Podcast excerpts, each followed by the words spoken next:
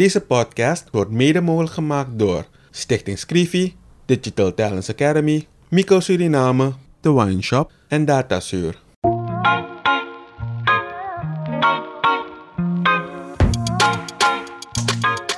In een ontspannen sfeer praten journalist Kevin Hadley en challenger Vincent Kenswell met verschillende personen over de uitdagingen en de kansen van hun werkgebied. Samen proberen ze door oplossingsmodellen te bespreken positieve ontwikkelingen op gang te brengen.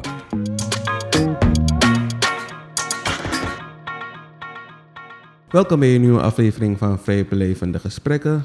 Poosje geleden, maar we zijn terug. Ready Vincent? Helemaal. En vandaag hebben we documentairemaker Mirjam Marks op bezoek. Alles goed Mirjam? Eh, zeker, ja. De eerste vraag die we meestal de gast stellen is, wie is de gast? De eerste vraag aan jou Mirjam, wie is Mirjam? Wow, wie is Mirjam? Ja, die vraag. Dat is een hele brede vraag, hè? Ja. Ehm, nou, ik ben... ehm,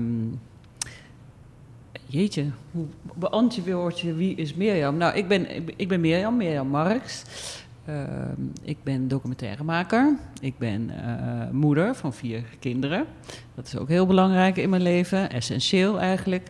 Ehm, maar ehm, ik hou van eh, reizen. Ik hou van nieuwe plekken leren kennen, nieuwe mensen leren kennen. En eh, ik hou heel veel van Suriname. Ik kom al lang in Suriname, dus Suriname is ook echt wel voor mij een beetje een tweede thuis geworden. En als ik hier weer ben, voelt het ook zelfs als een eerste thuis. Ehm, sinds 97 kom ik hier, 98, nee 97 ben ik hier voor het eerst gekomen, 1997. Dus al een poosje geleden. En sindsdien heb ik er ruim, nou ben ik er heel veel geweest, maar heb ik ook ruim zes jaar hier gewoond met mijn gezin. Ja, leuk. Eigenlijk heb je de vraag beantwoord waarmee Vincent zat toen we spraken over je van... ehm, eigenlijk niet helemaal, want ik vroeg wel van... ehm, hoe ben je hier beland? En Hoe? je hebt Ja. aangegeven wanneer je hier ehm, bent gekomen, maar hoe ben je eigenlijk hier beland? Ja, ik, eh, nou ja, wat ik, ik ben documentairemaker. Ik maak hoofdzakelijk documentaires eh, voor en over jeugd. Niet dat ze dan altijd alleen geschikt zijn voor jeugd om naar te kijken, maar in ieder geval dat is wel mijn eh, focus qua onderwerp. En ik maakte een serie, een reeks in 97, waarbij kinderen met elkaar ruilden voor twee weken. En eh, kinderen van de laatste klas van de basisschool. En dat hadden we al een keer gedaan binnen Nederland. Kinderen hadden zelf aangegeven met wie ze zouden willen ruilen en waarom. En daarop hebben we een match gemaakt. Dan ruilden ze twee weken en er werd een serie van per ruil van drie afleveringen van gemaakt. Maar dat hebben we daarna gedaan met de voormalige koloniën. Dus met eh, Suriname, Indonesië en Zuid-Afrika. Dus zo kwam ik in 97 voor het eerst in Suriname terecht. En toen ik hier kwam, toen dacht ik... Ik kwam terug en ik zei tegen mijn vriend, mijn man... We zijn niet getrouwd, maar ik noem het toch mijn man. Zei ik, laten we daarheen gaan een poosje. Want ik was meteen... Ik vond het meteen heel erg ja, ik weet niet. Ik vond het op alle vlakken wilde ik gewoon meer hier zijn. En ik had al veel gereisd in Zuid-Amerika en ook in Afrika. Maar toen ik hier kwam, dacht ik: hé, hey, maar hier zou het ook wel interessant zijn. Man als journalist, Didi Samuel, ook hier ook bekend. Ehm, laten we gewoon hier een poosje. Had ik hele kleine kinderen toen. Ze waren echt pas één, pas, pas geboren. En één was twee jaar. Eh, Laten we gewoon een poosje gaan en kijken of we hier eh, eh, wat we ervan vinden. En misschien kunnen we hier ook wel wat werk doen. Toen zijn we gekomen. En sterker nog, want Didi zei, nou, hoe gaan we dat dan doen en wanneer gaan we dan? En hij is septemberjarig. En ik was in april hier geweest voor de film. En toen heb ik gewoon voor zijn verjaardag vier open tickets gegeven. Zo. Ik zei, we gaan in februari. Toen kon je nog open tickets kopen vanuit Nederland. En van een half jaar. Ik zei, dan sparen we gewoon, dan zien we wel hoe lang we blijven. we. En we gaan en we zien wel. En nou ja, toen hadden we dus ook een datum, want ik had tickets op een datum gekocht, februari daarna. En eh, nou, dat is, was een schot in de roos voor allebei eigenlijk. Want toen zijn we gegaan, we hadden gespaard. dachten, oké, we kunnen twee maanden blijven met het geld wat we gespaard hebben. Misschien kunnen we een opdrachtje hier en daar, misschien kunnen we iets schrijven, kan ik wat filmen. Nou, dat breidde zich inderdaad een beetje uit. En toen zijn we teruggegaan omdat ze een van zijn broers ging trouwen. Maar toen wisten we allebei, hoefden we elkaar niet meer te overtuigen toen we daarna weer terug wilden gaan. Dus zo is het eigenlijk gekomen. En dit is bekend ehm, door de vele boeken die hij heeft geschreven over ons voetbal. Prachtige boeken. Onder andere, ja. Maar ehm, we zijn voor jou hier, dus we gaan met jou verder. Ja. Ehm, Vincent, Ja, nee, het is altijd zo interessant om, weet je, dit verhaal van hoe kom je in Suriname. En dan hoor je inderdaad, Suriname heeft je op een of andere manier eh, betoverd, om het zo te zeggen. Maar het is altijd wel leuk om te kijken van waar, wat is je achtergrond. Je bent eh, in Nederland geboren, neem ik aan, geboren Ja, getogen. klopt. Vertel eerst daar een beetje over. Wat was, hoe was de gezinssamenstelling? Hoe was het leven daar? Mirjam op school daar. Hoe was dat? Ja, nou, ik kom uit Brabant, Eindhoven. Ik ben geboren in een gezin, de middelste van drie. Eentje één, één jaar ouder, één jaar jonger. Ik ben in Utrecht theaterwetenschap gaan studeren aan de universiteit. En daar heb ik in de. Ik wilde ook. Ik hield toen al van weggaan. Dus ik wilde gewoon weg. Ik had een fantastische jeugd. Maar ik dacht, ik wil gewoon lekker zelf een nieuw leven beginnen. Dus ik ben in Utrecht gegaan. En eh, theaterwetenschap, maar wel met voor mij de focus op film en televisie. Het was een nieuwe studie toen. Ben ik eigenlijk weer vrij snel naar Amsterdam verhuisd. Heb ik wel van daaruit. En ook eigenlijk in mijn studietijd ben ik al begonnen met werken. Ik deed heel veel verschillende dingen. Ik reisde ook vaak tussendoor. Dacht ik, oké, als ik nu geld verdien, dan kan ik even een paar maanden weg. Dus ik, mijn leven, het opbouwen van wat wil ik nou eigenlijk, welk beroep. Ik wist het ook niet zo goed. Ik wist wel dat ik iets creatiefs en iets met kinderen wilde doen. Dat voelde ik al wel, maar wat het zou worden, wist ik nog niet echt. En toen heb ik, ja, in Nederland heb je de VPRO-televisie. Dat is een, eh, ja, hier noem je het station, in Nederland noem je het omroep. Waar ze, eh, zeker in die tijd, en nu eigenlijk nog steeds wel hoor, eh, televisie maakten die een beetje Prikkeld. controversieel of een beetje gewaagd of een beetje eh, gedurfd. gedurfd of een beetje op een andere, ja, op een grappige manier grappig die dan, nou ja, op, wat mij aansprak, laat ik het Ja. zo zeggen. Dus ik had zoiets van, daar wil ik eigenlijk wel graag terechtkomen. Dus daar heb ik toen kunnen regelen om te beginnen met werken. En daar heb ik het vak eigenlijk on the spot Verder, geleerd, ja. Nee, wat mooi is in het verhaal, je zei ook van, kijk, je hebt een goed leven gehad, maar iets prikkelde je. Je wilde altijd terug je eigen ding doen. Ja, En deze podcast doen we omdat we mensen willen inspireren, vooral jongeren, maar ook ouders, om, om, om hun kinderen die vrijheid te geven. Hoe Oh. waren jouw ouders daarin dan, in die vrijheid die je zelf wilde? Ik neem aan dat ouders vaak, vooral in Suriname, we zijn heel beschermend. Ja. Dus een vrouw die haar eigen pad op wil, hoe was dat voor jou? Oh, Ze hebben me altijd heel vrij gelaten daarin. Ik was wel de eerste van het gezin die dat deed. Want eh, mijn oudere zus ging ook studeren, maar dichterbij. Tilburg, dat is dichterbij Eindhoven, maar 20 minuutjes. Ehm, maar ik ging, ja, nee, ze vonden dat alleen maar eh, stimuleerde het heel Ja. erg. Want inderdaad, Ja. voor jou was het om van Eindhoven naar Utrecht te gaan, is, is eigenlijk een behoorlijke stap. Ja, ze uur reizen, dus je gaat daar wonen. Je gaat, Je gaat- niet in Eindhoven Nee, blijven. precies. En dan ben je zelf Dat wilde ik ook absoluut niet. Nee. Niks tegen Eindhoven, maar voor mij op dat moment dacht ik, ik wil gewoon, maakt niet uit. Ik wilde eigenlijk eerst naar Amsterdam, maar dat ben ik later gaan doen. Gaan dus doen, eerst ja. die studie werd ik daar geplaatst, of da- daar kon ik die studie gaan doen. En, en ik heb ook bewust voor die studie gekomen, zegt ook iets over mezelf. Omdat Ja. ik studeren betekent voor, betekende voor mij aan de universiteit dat je veel tijd zelf kan indelen. En dat wilde ik heel graag. Ja. Ik kon ook naar een andere opleiding gaan, maar dat was dan een opleiding waar je weer op een meer schoolse manier, een HBO-manier, les krijgt. En dan dacht ik, nee, nee, ik wil niet weer naar school. Ik wil gewoon mijn eigen, tijd indelen. Ik wil gewoon zelfs, ja, en dat ik ruimte heb om ook andere dingen te ontdekken. En is dat iets van je karakter of zeg je van door de opvoeding, door je omgeving? Nogmaals, we zoeken naar antwoorden voor, laten we zeggen, jongeren die Ja. er nu zijn, die soms met die vragen zitten. Ja, snap en vooral als je, ja. naar, als je naar Suriname, Oh ja. in Suriname worden we vaak in, in weet je, geleid. ja. En dan mag je niet iets doen wat je Anders eigenlijk is. wil. Maar hoe, hoe schat jij dat in voor jezelf?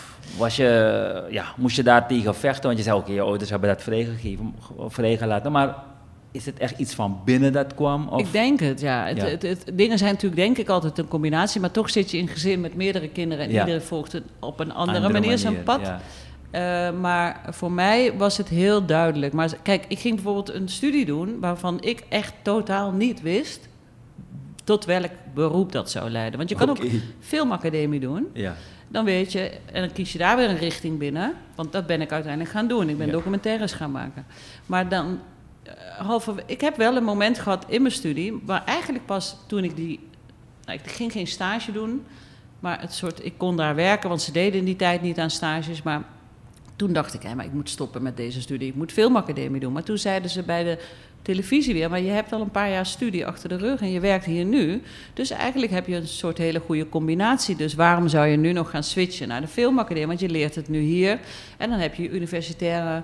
Daar heb je veel Ja, meer, ja. zeg maar, verdiependere vakken. Ja. En de filmacademie is ook een hele goede opleiding, maar die is meer gericht op de praktijk. Dus eh, je komt er altijd een beetje pas later achter. Tijdens dat je. Ik heb mijn hele studietijd gebruikt om te ontdekken wat ik eigenlijk wilde. Maar ik heb niet inderdaad, ben ik belemmerd door ouders zeggen: je moet een vak leren, Ja. want anders. Maar dat, ja, dat heeft ook te maken met, denk ik, ruimte die je kan voelen.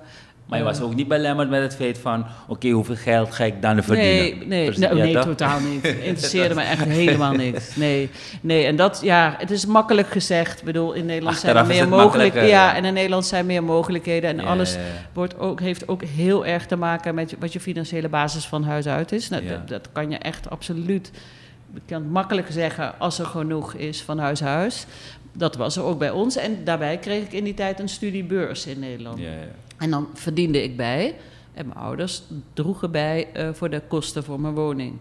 Als die, dat er allemaal niet is, moet je op een andere manier. Maar dan nog zou ik altijd iedereen willen stimuleren om vanuit je hart te, Ja. te gaan. Want ik, ik geloof daarin dat de rest dan ook gaat volgen. Ja. En natuurlijk moet je er dingen bij doen. Ik heb ook hele jarenlang in een restaurant gewerkt, drie avonden per week. Ja. Ook al was er geld van huis uit. Ik vond dat ik ook mijn eigen Ook geld mooi. moest verdienen. Maar goed, Ja. stel dat het het dan niet was, dan kun je daar je. ook je studie mee be- bekostigen. En als je iets echt wil, wil, dan ga je er komen. Ik geloof daarin. Want dan ga je de juiste mensen ontmoeten, die gaan voelen van hé, hey, die wil echt wat. En dan ga je. eh, maar je moet ook doorzetten. Je, Je moet, moet ook wel een beetje vrijpostig zijn. Oké. Daar geef je iets interessants aan. Veel mensen hebben een bepaald doel, maar het moment dat het eventjes moeilijk wordt, vooral in Suriname, geven ze op. Omdat ze denken als je bij wijze van spreken ervoor gaat, dat het wel gewoon lukt. Maar mensen snappen vaak genoeg niet dat je soms ook wel ehm, uitdagingen hebt op je pad, op weg naar je doel. Ja, En dat eigenlijk ook wel het interessant maakt. Want je leert ook uit die uitdagingen bepaalde zaken beter Ja. inschatten, beter ehm, doen. Ehm, hoe heb jij dat eigenlijk aangepakt? Want je zei ook al van dat je op een gegeven moment wel bepaalde zaken moest doen, extra werk moest doen om eh, beter te verdienen en zo. Hoe pakte je dat aan? Nou ja, om, een voorbeeld te geven. Ik wilde dus, wat ik vertelde, graag bij die omroep werken. Die VPRO. Ik dacht, dat spreekt me heel erg aan. Ze maakten hele leuke en hele, nou ja, wat ik vertelde, interessante kinderprogramma's, jeugdprogramma's. Toen ik daar hun toestapte, van ik kan ik bij jullie stage lopen, zei ze, wij doen niet aan stages. Eh, In die tijd was dat zo. En eh, daarbij zijn alle programma's al begonnen. Dus hoezo, ik weet niet zo goed wat je hier zou kunnen doen. En ik ging toch een beetje eigenwijs doen. Ik zeg, ja, maar jullie hebben toch elke zes, zeven weken begint er weer een nieuw programma. Het is niet zo dat je zeg maar het hele jaar door hetzelfde programma had. Dus er was gewoon een serie en dan was er weer iets. En dan kan ik daarna toch iets doen. En eh zei ze, nee, nee, we zijn zelf nog te, net bezig met een jeugdafdeling. We kunnen geen eh, nieuwelingen gebruiken. Maar toen was ik toen was ik een jaar verder en toen had ik wat andere dingen gedaan. Ik had eh, bij een festival gewerkt en ik had, nou ja, heb ik ze weer gebeld. Zeg ik, nou, jullie zijn nu een jaar verder, ik ook. Ik heb best wel wat andere dingen gedaan. Kan, nu kan ik toch wel wat doen. en ehm, toen zei ze, oh ja, weet je wel, dus ik heb toch, ja, misschien kan je bij die... Ik zei, maakt mij niet uit wat, want ik wil gewoon zien hoe het werk in elkaar steekt. En toen zei ze, oh ja, maar die heeft wel een soort hulpje nodig. Ik zeg, nou oké. Dus ik heb ook wel niet opgegeven Ja. omdat ik dacht, ik wil dat gewoon per se. Dus ik ging gewoon een beetje drammen. Ja. En dat moet je vaak nog in het leven doen, drammen. Want Ja, maar niet iedereen durft dat of kan dat. Dus je moet ook wel een beetje... Maar ik, de- ja, ik weet het niet. Vertrou- toch om te vertrouwen op jezelf is makkelijker gezegd dan gedaan. Maar om ook om erop te vertrouwen dat... Ja, ik weet niet. Als je iets... Dat je ehm, in communicatie blijft daarover en gewoon echt aangeeft, meedenkt. Dus niet afwacht, maar meedenkt. Eh, dat is toch daar- belangrijk, ja. Ja, je noemde daar iets interessants van vertrouwen hebben in jezelf, toch? En eh, even de link met je, je, je hart zit bij kinderen, dus documentaires maken. En je hebt een documentaire gemaakt over dus die, ook Suriname onder andere. Ehm, ik heb het idee, als je kijkt naar onze samenleving, dat we in die opvoeding of in, in onze ontwikkeling heel weinig worden geholpen om, om zelfvertrouwen op te bouwen. Om je weerbaar te maken tegen alles wat komt. Zoals jij ook zegt van, sommige dingen moet je vrijpostig zijn. Hier is een vrijpostig Ja. persoon juist. Ja, maar dan op een positieve manier. Je moet, ja, ja. vrijpostig. Nee, maar- ik zei ja. vrijpostig, maar Maar je inderdaad... bedoelt het inderdaad, je moet, je moet niet opgeven je moet, je moet weten wat je wil, zodat je, ehm ehm, laten we zeggen, jouw doel, wat je voor ogen hebt, kan bereiken. Ja. toch? Ehm, hoe, hoe heb jij dat stukje ervaren met, met Surinaamse kinderen? Ehm, Of heb je daar, want je hebt documentaires gemaakt. Ja, ik heb meerdere documentaires met kinderen gemaakt. Ik heb ook Villa Sapakara mede opgezet. Dus daar hebben we Ja, natuurlijk met... geweldig. ik ben mede oprichter daarvan. Ik vind het een geweldig, een geweldig platform. Ja, dank je. Ja, nee, het is fantastisch hoe het nog steeds eh, eh, ja. echt hartstikke goed gaat. Ja. En heel veel kinderen daar komen. Dus daar heb ik met ook heel veel kinderen gewerkt natuurlijk. Ja. Ehm, nou ja, het, eh, wat ik zeg, het is ook echt, het maakt heel erg uit eh, waar je eh, wieg staat, wat je kansen zijn en ook wat voor onderwijs je krijgt. En ik denk dat het heel belangrijk is, ook op plekken van daarom heb ik Villa Zapakara dus samen toen de tijd met Daphne Bruyne opgezet, omdat ik in Nederland dat een plek vond waar je heel erg op een andere manier iets leert, maar waardoor je ook andere dingen van jezelf ontdekt en dat ook die leerkrachten andere dingen van die kinderen ontdekken. Want vaak zit iemand, iedereen zit in zijn eigen stramien een beetje. En als je dan op een andere plek, dan mogen er ook andere dingen, want dan zit je even buiten die afspraak van de les in de klas. En eh, dan zie je opeens van, hé, hey, maar dat jongetje wat altijd lastig doet in de klas, blijkt opeens een fantastische drummer te zijn en hij kan heel goed een verhaal vertellen. En dat is dan voor zo'n jongetje heel fijn. Ja. Want dan heeft hij even een podium en dan wordt hij niet terecht gewezen en weer dat hij stil moet zijn. En dat is ook voor de leerkracht, denk ik, een, een, een, niet iedereen ervaart het misschien zo, maar een bijzonder moment van hé, hey, maar ik wist niet dat dat in hem zat. En ja, de kunst om een beetje los te laten van de bestaande paden, ja, dat is misschien niet overal even makkelijk. Maar ik zou dat, ja, ik denk het los, dat je een goede basis hebt, maar dat je daar ook van durft los te laten om te kijken van hé, hey, maar misschien, waar komen we dan uit? Dat is denk ik een van de dingen die heel belangrijk is. Omdat je dan weet van oké, we zijn nu wel met rekenen bezig, maar iemand komt met een heel interessant verhaal. Laten we daar even aandacht aan geven. En daar blijkt dan toch ook rekenen in voor te En komen. Misschien op een indirecte manier. Maar ja, dan moet je ook wel je mind voor kunnen zetten. Ja. Die, het opzetten van Villa Sapakaram, toch even daarop. Zag je die behoefte in die samenleving? Of was het iets van, het, is, het past bij, ja, want ik vind het nogmaals een goed platform. En vaak, want het, en het is nu nog een heel succes. Want ik heb Ja. laatst nog hier jongeren gehad. En Ik ga zo echt- weer daarheen. Ja. Ja. dus was het iets dat je zag of kwam het op je pad ook? Nou, het was zo. Ik, ik heb zelf dus kinderen. Inmiddels waren de kinderen wat groter. Inmiddels waren er niet meer twee, maar waren het er eh, vier. Ja. En die gingen ook naar school. Net zoals in Nederland naar school. Als we hier wonen, gingen ze hier naar school.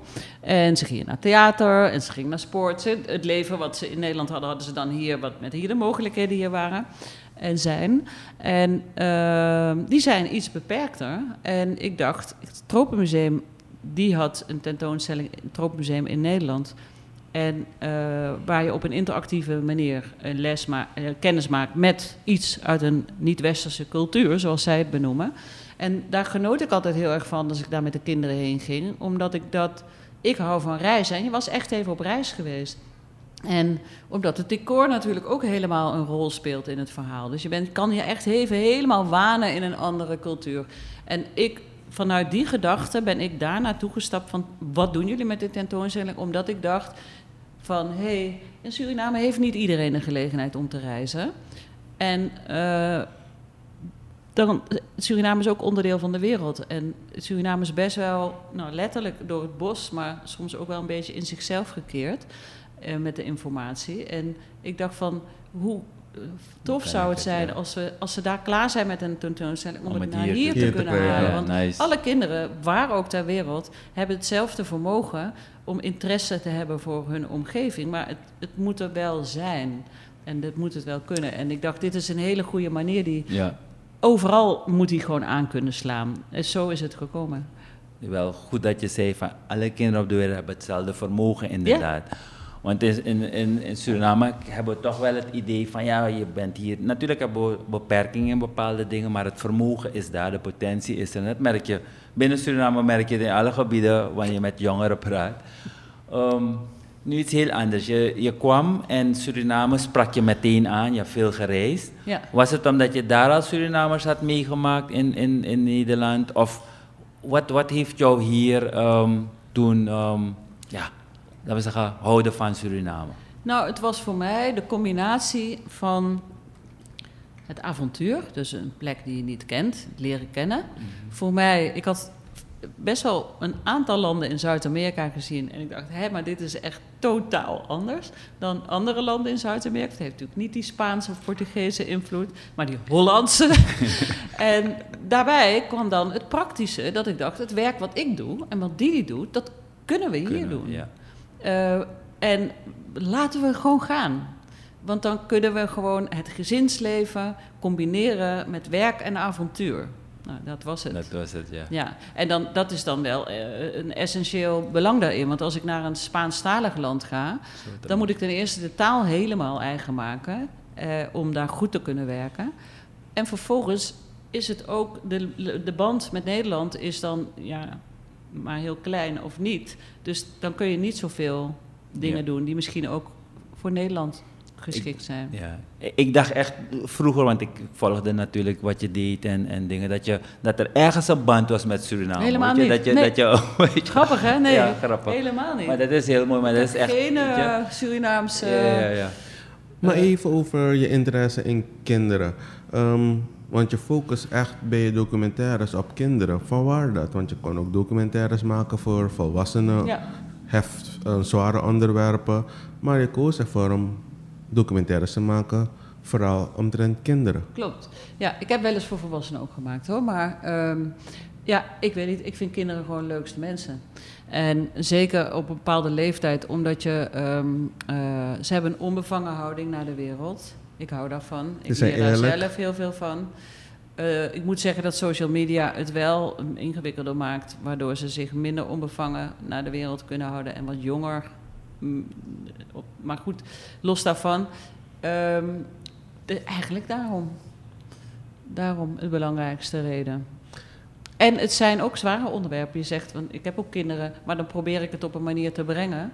Zoals? uh, nou, kinderen wat gevlucht, vluchteling, een verhaal over kinderen die gevlucht zijn, of een kind die traumatische ervaringen hebben meegemaakt en daarvoor een therapie moeten volgen met een paard, was het in dit geval.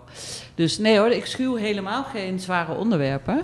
Maar um, uh, ik, ik, om het vanuit het perspectief van een kind te vertellen, uh, hoop ik, of dat is altijd mijn streven, dat je juist ook kinderen hebben. Ze hebben heel veel veerkracht, want die zijn nog zich aan het ontwikkelen. Dus die, ja, die maken er toch weer ook iets anders van dan misschien volwassenen. En daarbij, ja, kijk, ja, dus eigenlijk, dat vind ik eigenlijk het interessantste ervan. En dan zoek ik altijd een manier waardoor je er niet daarna denkt, ach, wat zielig.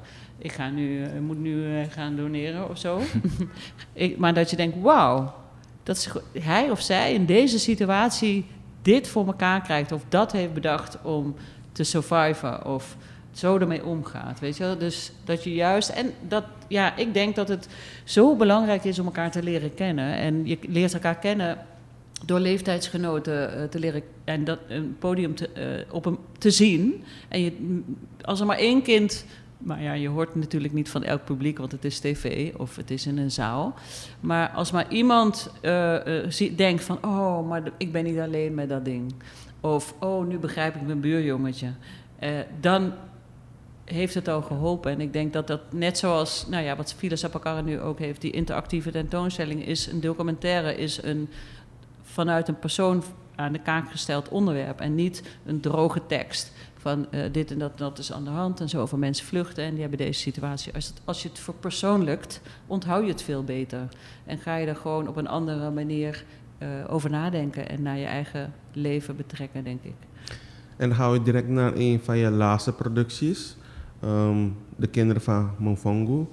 Um, daar belicht je het leven van de kinderen van Picking Slave. Van waar dat idee om dat te gaan doen, om de kinderen daar hun, hun wereld te laten presenteren aan de wereld? Ja, nou, ik hou heel erg van binnenland van Suriname. Dus ik kom en kwam daar met de kinderen zoveel mogelijk. Als we hier uh, woonden, gingen we elke drie weken wel ergens naartoe. Een weekend op pad, minstens probeerden we dat te doen.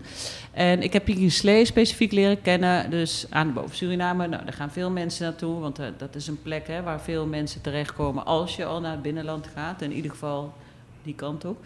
En ik heb in 2000, was 25 jaar onafhankelijkheid, heb ik een, uh, werd er een serie gemaakt voor Nederlandse televisie uh, voor volwassenen. Die heette Wie niet weg is, is gebleven. En een van die afleveringen hebben ze mij gevraagd, omdat ik het binnenland al een beetje kende, om te komen. Want die ging over Vinje Habo, die uit Piekenslee komt, een man. En hij woonde toen nog, hij was toen tegen de 30, woonde in de stad, werkte bij de Ware Tijd. En uh, nou, er was iets met de Gramman, uh, die, die, die, wilde ze in, die deed dingen waar de mensen niet zo blij mee waren. En de mensen durven daar niet in tegenspraak te gaan. En hij durfde wel in gesprek daarmee te gaan. Omdat hij al inmiddels ook een beetje de wereld, een beetje de wereld buiten de dorpsstructuur had leren kennen en de rivierstructuur. Dus daar ging de film over. Bezoek aan de Grandman heet hij. Met hem hebben we ook tien dagen in het dorp gewoond bij uh, Etje uh, en uh, de Rasta's die rond, die in Piekingslee wonen. Dus toen heb ik het dorp leren kennen. Ben altijd daar blijven komen. Met als er gasten kwamen die bij ons, als we, toen we hier woonden, weet je wel, familie of vrienden, gingen we ook altijd daar naartoe. daar werd het museum gebouwd, weet je. De, nou ja, dus ik ken het dorp heel goed. En altijd heb ik gedacht, ik wil gewoon een keer een mooie, lang, een, lang de tijd hebben om te laten zien dat vanuit het perspectief van kinderen, het heet Kinderen van Mavungo's, het gaat over drie kinderen. Uh, dat zijn de hoofdpersonages. Want voor mij uh, is, zijn zij kleine wisdom keepers, kleine kennisdragers. Zij hebben gewoon heel veel kennis van cultuur en natuur. Die ook een beetje verloren gaat waarschijnlijk in de toekomst, omdat het de grote wegtrek is. Omdat er geen middelbare school is daar, is eigenlijk geen werk, geen economie. En uh, het is wel heel bijzonder. Die kennis hebben wij hier binnen, nou ja, uh, beton uh, in Nederland nog veel meer. Uh, die hebben of niet eens gehad, maar die hebben hebben we niet meer. En dat is eigenlijk een kennis die zo bijzonder is. En die ook nog eens te maken heeft met het gedeeld koloniaal verleden. Omdat de dorpen natuurlijk ontstaan zijn van gevlucht slaafgemaakten. Ze hebben hun cultuur uh, in de overlevering bewaard. Ze zijn er heel trots op en heel veerkrachtig. Dus ik wilde eigenlijk een film maken om gewoon die plek. En, hoe, en dan hebben ze ook nog een dilemma dat ze weg moeten. Dus als ze, er is geen middelbare school. Op school moeten ze Nederlands leren, terwijl thuis spreken ze Saramakaans. Er zit een heleboel in wat te maken heeft met dat er ooit slavernij is geweest, dat Nederland daar uh, de koloniale overheerser was. En op een, eigenlijk op een hele veerkrachtige, positieve, trotse manier leven de mensen daar en de kinderen dus ook. Um, ondanks of dankzij dat dat is geweest, de slavernij. En dat wilde ik eigenlijk laten zien. En dat heb ik, die kans heb ik gekregen. Dus het is een lange film van 70 minuten. Hm. En met Vinje Habobo essentieel uh, natuurlijk dat hij een bijdrage was, dat het onderdeel van de crew was als uh, tolk, vertaler, vertrouwelingen van het, naar het dorp toe. Met allemaal mensen uit het dorp hebben. Dus Etje Doekoe is een Basja die ook heel veel. Ge, ja, een belangrijke rol in het ter plekke organiseren, regelen, toestemming krijgen voor allerlei dingen. Um, maar ik ken, ze, kende, ze vertrouwde mij ook, omdat ik al twintig jaar, meer dan twintig jaar in het dorp kom. Ik heb ja. die film nog niet gezien, maar zoals je het vertelt en wat erachter zit, en ik kan me een beetje voorstellen, is het de nieuwe uh, One People? Nou, het is anders, maar het, eh, One People is fictie hè? en het is een verhaal. Maar het is wel, ik wil het ook nooit vergelijken met Pim natuurlijk, Pim de la Parra. Het is een, eh, fantastische filmmaker, maar ehm, het is wel echt een Surinaamse film. Ja, het gaat wel echt over. Nou, jij hebt hem gezien. Ja. Jij, jij kan hem. Ik heb hem nog niet gezien. Morgen dus- draait hij weer nog een keer in okay. TBL. Half vijf. Wat ik heel mooi van de film vind, is gewoon dat je eigenlijk, um, ja, je wordt meegenomen in um, de activiteiten die plaatsvinden in het dorp. Eigenlijk ben je gewoon met de kinderen daar en je ervaart wat zij ervaren. En um, soms word je eigenlijk, dat zei ik ook tegen anderen die me vroegen wat ik ervan vond, word je geconfronteerd met werkelijk zaken van ons koloniaal verleden, zoals de Nederlandse taal. Ja. de kinderen in de taal die ze daar wachten zijn, het Sarawakaans, daarmee communiceren ze. Maar dan op school moeten ze in het Nederlands mhm. communiceren. En dat is het een, vaak genoeg is het de uitdaging is één. En twee wat ik ook heel uh, apart vond, is ook dat stukje van godsdienst. Dat ze dat ook dat, ze dat op school krijgen, terwijl ze eigenlijk andere, um, ja, uh, iets anders geleerd hebben vanuit hun cultuur.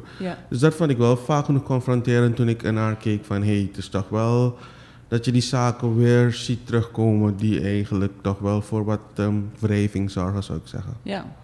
ja, en dat is de realiteit natuurlijk. Dus ehm, deze kinderen uh, zijn net zo slim, of niet slim, hè, zoals alle kinderen overal gemiddeld, maar die hebben dezelfde potentie van dingen. Maar ze hebben wel obstakels. Want ze hebben die taal als obstakel, ze hebben uh, de leermiddelen, de, de, de, de, inhoud van wat ze leren heeft niets te maken met hun omgeving. Dat was vroeger natuurlijk nog erger toen je hier allemaal dingen moest leren over de Nederlandse topografie. Nou, dat is volgens mij gelukkig niet meer zo. Maar daar leren ze natuurlijk wel voornamelijk weer over. De bus vertrekt zo en zo laat, eh, bij wijze van spreken, als je leert lezen. En daar heb je helemaal geen bus. Of nou ja, ze leren het wel langzaam kennen. Maar het, het leven wat zij leiden, is, staat mijlenver af van de wereld die hun, waar ze voor klaargemaakt worden op school. En ook waar ze mee te maken krijgen daarna. En... Uh, ja, en ik heb het wel op zo'n manier, vond ik heel belangrijk. En ik heb, ben ontzettend blij dat ik met deze kinderen heb mogen werken, deze drie. Dat die mee wilden doen en ze hebben het fantastisch gedaan. Maar eentje daarvan spreekt goed Nederlands. En dat vond ik ook heel fijn. Omdat ehm, dan staat die film ook toch weer dichterbij, bij de kijker. Als ze allemaal alleen maar heel de film Saramakaans was geweest. Wat prima was geweest, want dat is de realiteit. Maar dit maakte wel dat je nog meer kon identificeren. En je, je, je, ziet allemaal dingen die je herkent. Van je eigen emoties misschien. Hè? Een gesprek met een leraar die je op je donder geeft dat je niet goed gedraagt of dat je betere cijfers moet halen. Voor iedereen herkenbaar. Wereldwijd. Waar je ook woont. Ehm, je telefoon die afgepakt wordt. Een ramp. Vooral voor kinderen in deze tijd. Ja, een ramp voor, voor een kind, voor een volwassen ook. Maar ja, oké, wie pakt de telefoon van een volwassen af? Maar, uh, dus dat is heel, weer heel herkenbaar. En een, een, een, een TikTok-filmpje of een Instagram-ding. Dus er zitten dingen in die kinderen wereldwijd hetzelfde hebben. En dan is de hele omgeving totaal anders. En ja, dat, dat vind ik altijd heel, heel interessant. Maar in dit geval uh, was dat wel heel erg een, een, een verhaal wat we wilden proberen uh, vorm te geven. Dat, ja. Waarom ik die vergelijking maakte met One People? Omdat One People rondom laten zeggen, de etniciteit is gebracht. En nu kom je eigenlijk een, een groep um, die in Paramaribo of in Suriname ook nog een, een beetje achtergesteld was. Die brengt je dichterbij, toch? Dus een, um, je haalt, ik haal al een paar dingen waar, je hebt het, waarom je het hebt gedaan. En, en de les voor ons is dus wat je ook zegt van alle kinderen of iedereen heeft eigenlijk dezelfde potentie.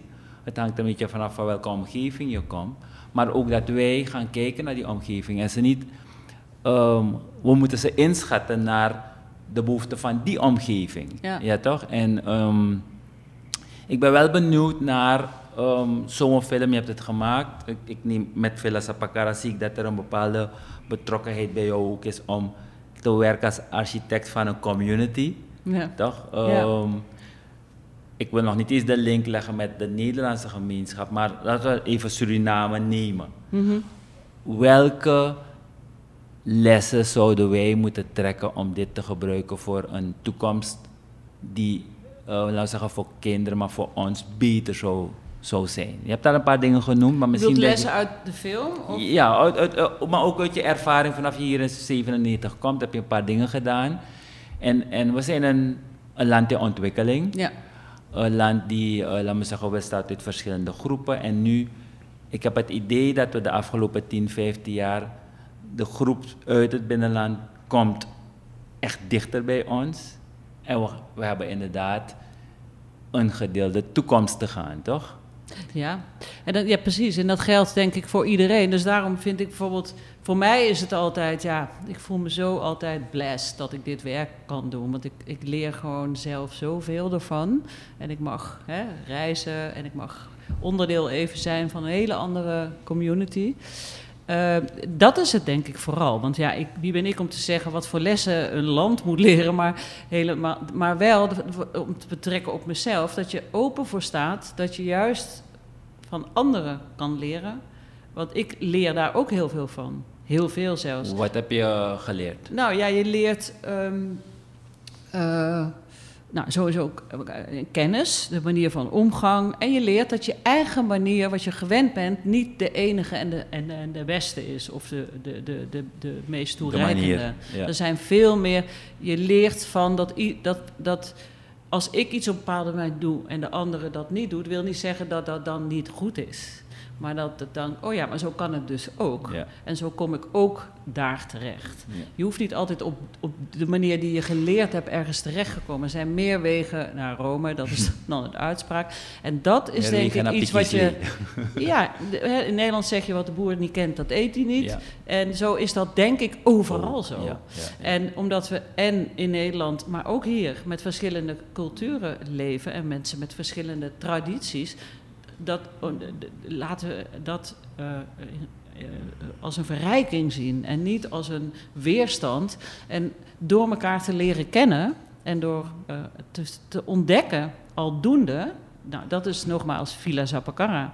En dan te ontdekken, hé, hey, maar wacht even, zo kan ik wel iets leren. Of zo vind ik het wel leuk Ja. om sommen te maken. Of bij wij, weet mooi. je? En dat, dat is denk ik om, om, om, om die ruimte te geven dat er meerdere wegen zijn om tot hetzelfde te komen. En dat is best een ingewikkelde weg, want daarvoor moet je dingen loslaten en denken, wow, maar dit moet ik per se, ze moeten tafels leren of ze moeten dit leren van de geschiedenis.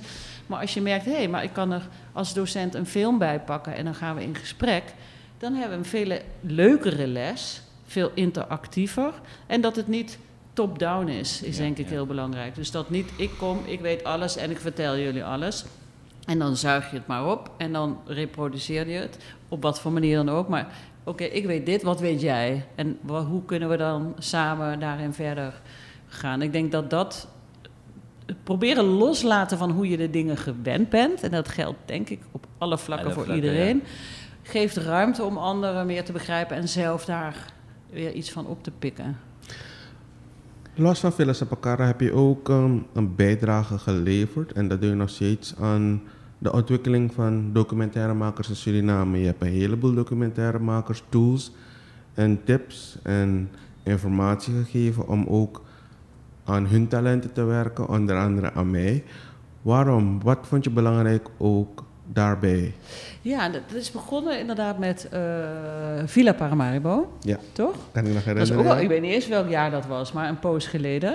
Ja, en ik denk, ja, nogmaals, ik heb dan de kans, eh, doordat mijn wieg op een plek stond waar ik een opleiding kon doen en waar heel veel mogelijkheden zijn om het vak te leren en heel veel mensen.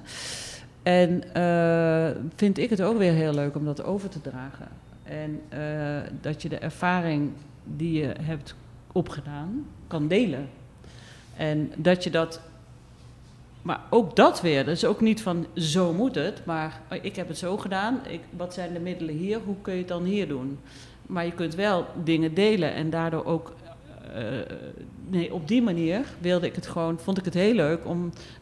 Want Villas Paramaribo is begonnen met de backlot samen toen. En ehm, toen was de VPRO die zei, ik ben naar de VPRO toen gestapt van hé, hey, wat kunnen we dat niet gewoon voor de VPRO gaan maken? En toen hadden ze iets van, nou, wij vinden dat wij ook wel eens een keer onze kennis op die manier kunnen inzetten. En toen ben ik een coach geworden van vijf documentaires die we hebben gemaakt. Of zes, weet ik niet meer. Ik heb er eentje zelf gemaakt, maar de rest waren alleen maar mensen van hier. En Nina Jurna had ook eentje gemaakt. Nina heeft eentje gemaakt, eh Henna de Rijbaar heeft Ja. eentje, maar Helen Kamperveen. Dus eigenlijk wat nu DocLab doet, of dat heet die DocLab 10 voor 50. En wat, hoe heet die? Doculab. Ja. DocuLab heet het, ja. Eh, maar dan voor volwassenen was dit voor kinderen.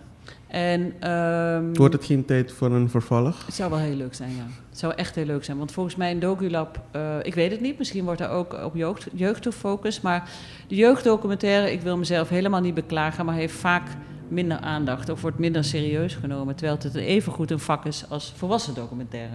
En zelfs zwaarder heb ik het gevoel, omdat je toch wel anders moet omgaan met jongeren, met kinderen. Je moet ook hun, Ja, denk ik, ehm, toch wel meer met hun bezig zijn, meer zaken eigenlijk met ze bespreken. Niet eens uitleggen, gewoon met ze Ja. bespreken, want zij hebben weer een andere belevingswereld en je wil ze ook niet, ik, wat ik zelf eh, ervaar, dan je wil, je wil hun onschuld niet zomaar, ehm, ja, nee, maar- Um, maar dat, dat is een ongelooflijk essentieel veranderen. onderdeel van documentaire, ook met volwassenen maken. Maar kinderen moet je extra in bescherming nemen. precies. dat ze niet eh, daarna gepest worden. Of dingen zeggen die ze eigenlijk niet hadden willen zeggen. En die jij dan gaan, gaat delen met de wereld. Daar moet je ongelooflijk respectvol mee omgaan. Ja, En ik denk dat we daar, ehm, in Suriname tenminste, daar heel ehm, niet zo goed mee omgaan. Als vooral kinderen zich kwetsbaar opstellen. Ik denk, wat ja. Vincent zei, als vrijpostig. Ik zie het niet als iets negatiefs. In Nee. de zin van als kinderen zeggen, ik vind dat niet leuk of ik zie het zo.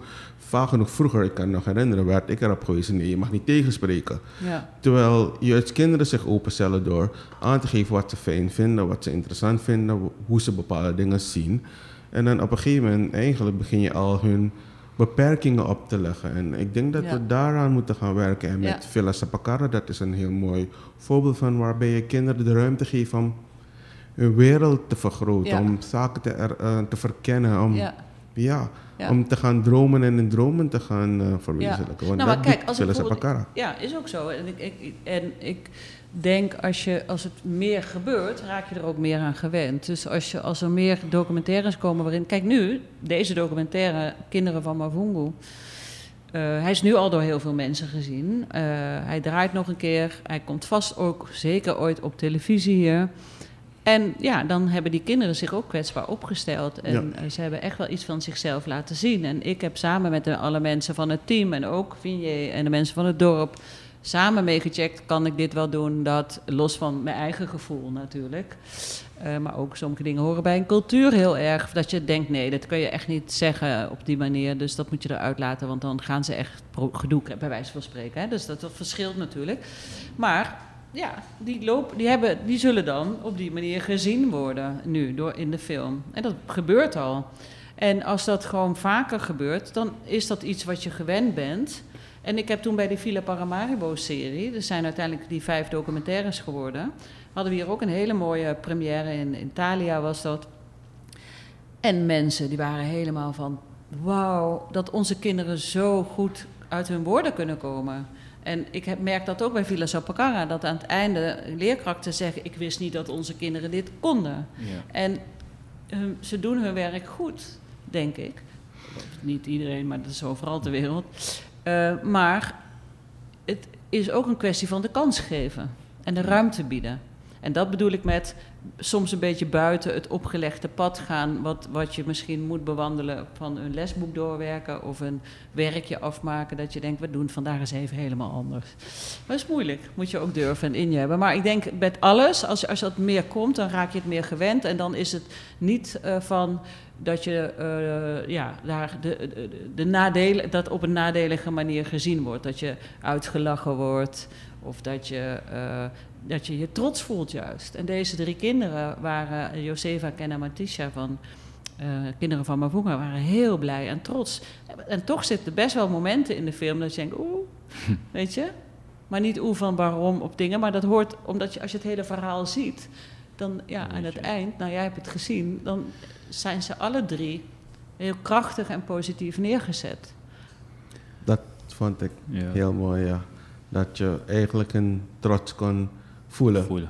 dat was, ehm, ja, ik, nee, dat is een hele mooie documentaire. En het mooie wat ik ook vond, is aan het eind ook dat ze ook door de zaal eh, het applaus kregen, maar ook ehm, door andere leeftijdsgenoten werden gevraagd van, hey, kan ik op de foto met je? Ja. Dat ze ook die beleving hebben gehad van iets dat je misschien, dat ze niet zouden hebben gekregen op een andere manier. Ja. Dat ze eigenlijk positief in de spotlight waren. Ja, want we hadden een scholierenvoorstelling in de ochtend gehad met allemaal klassen.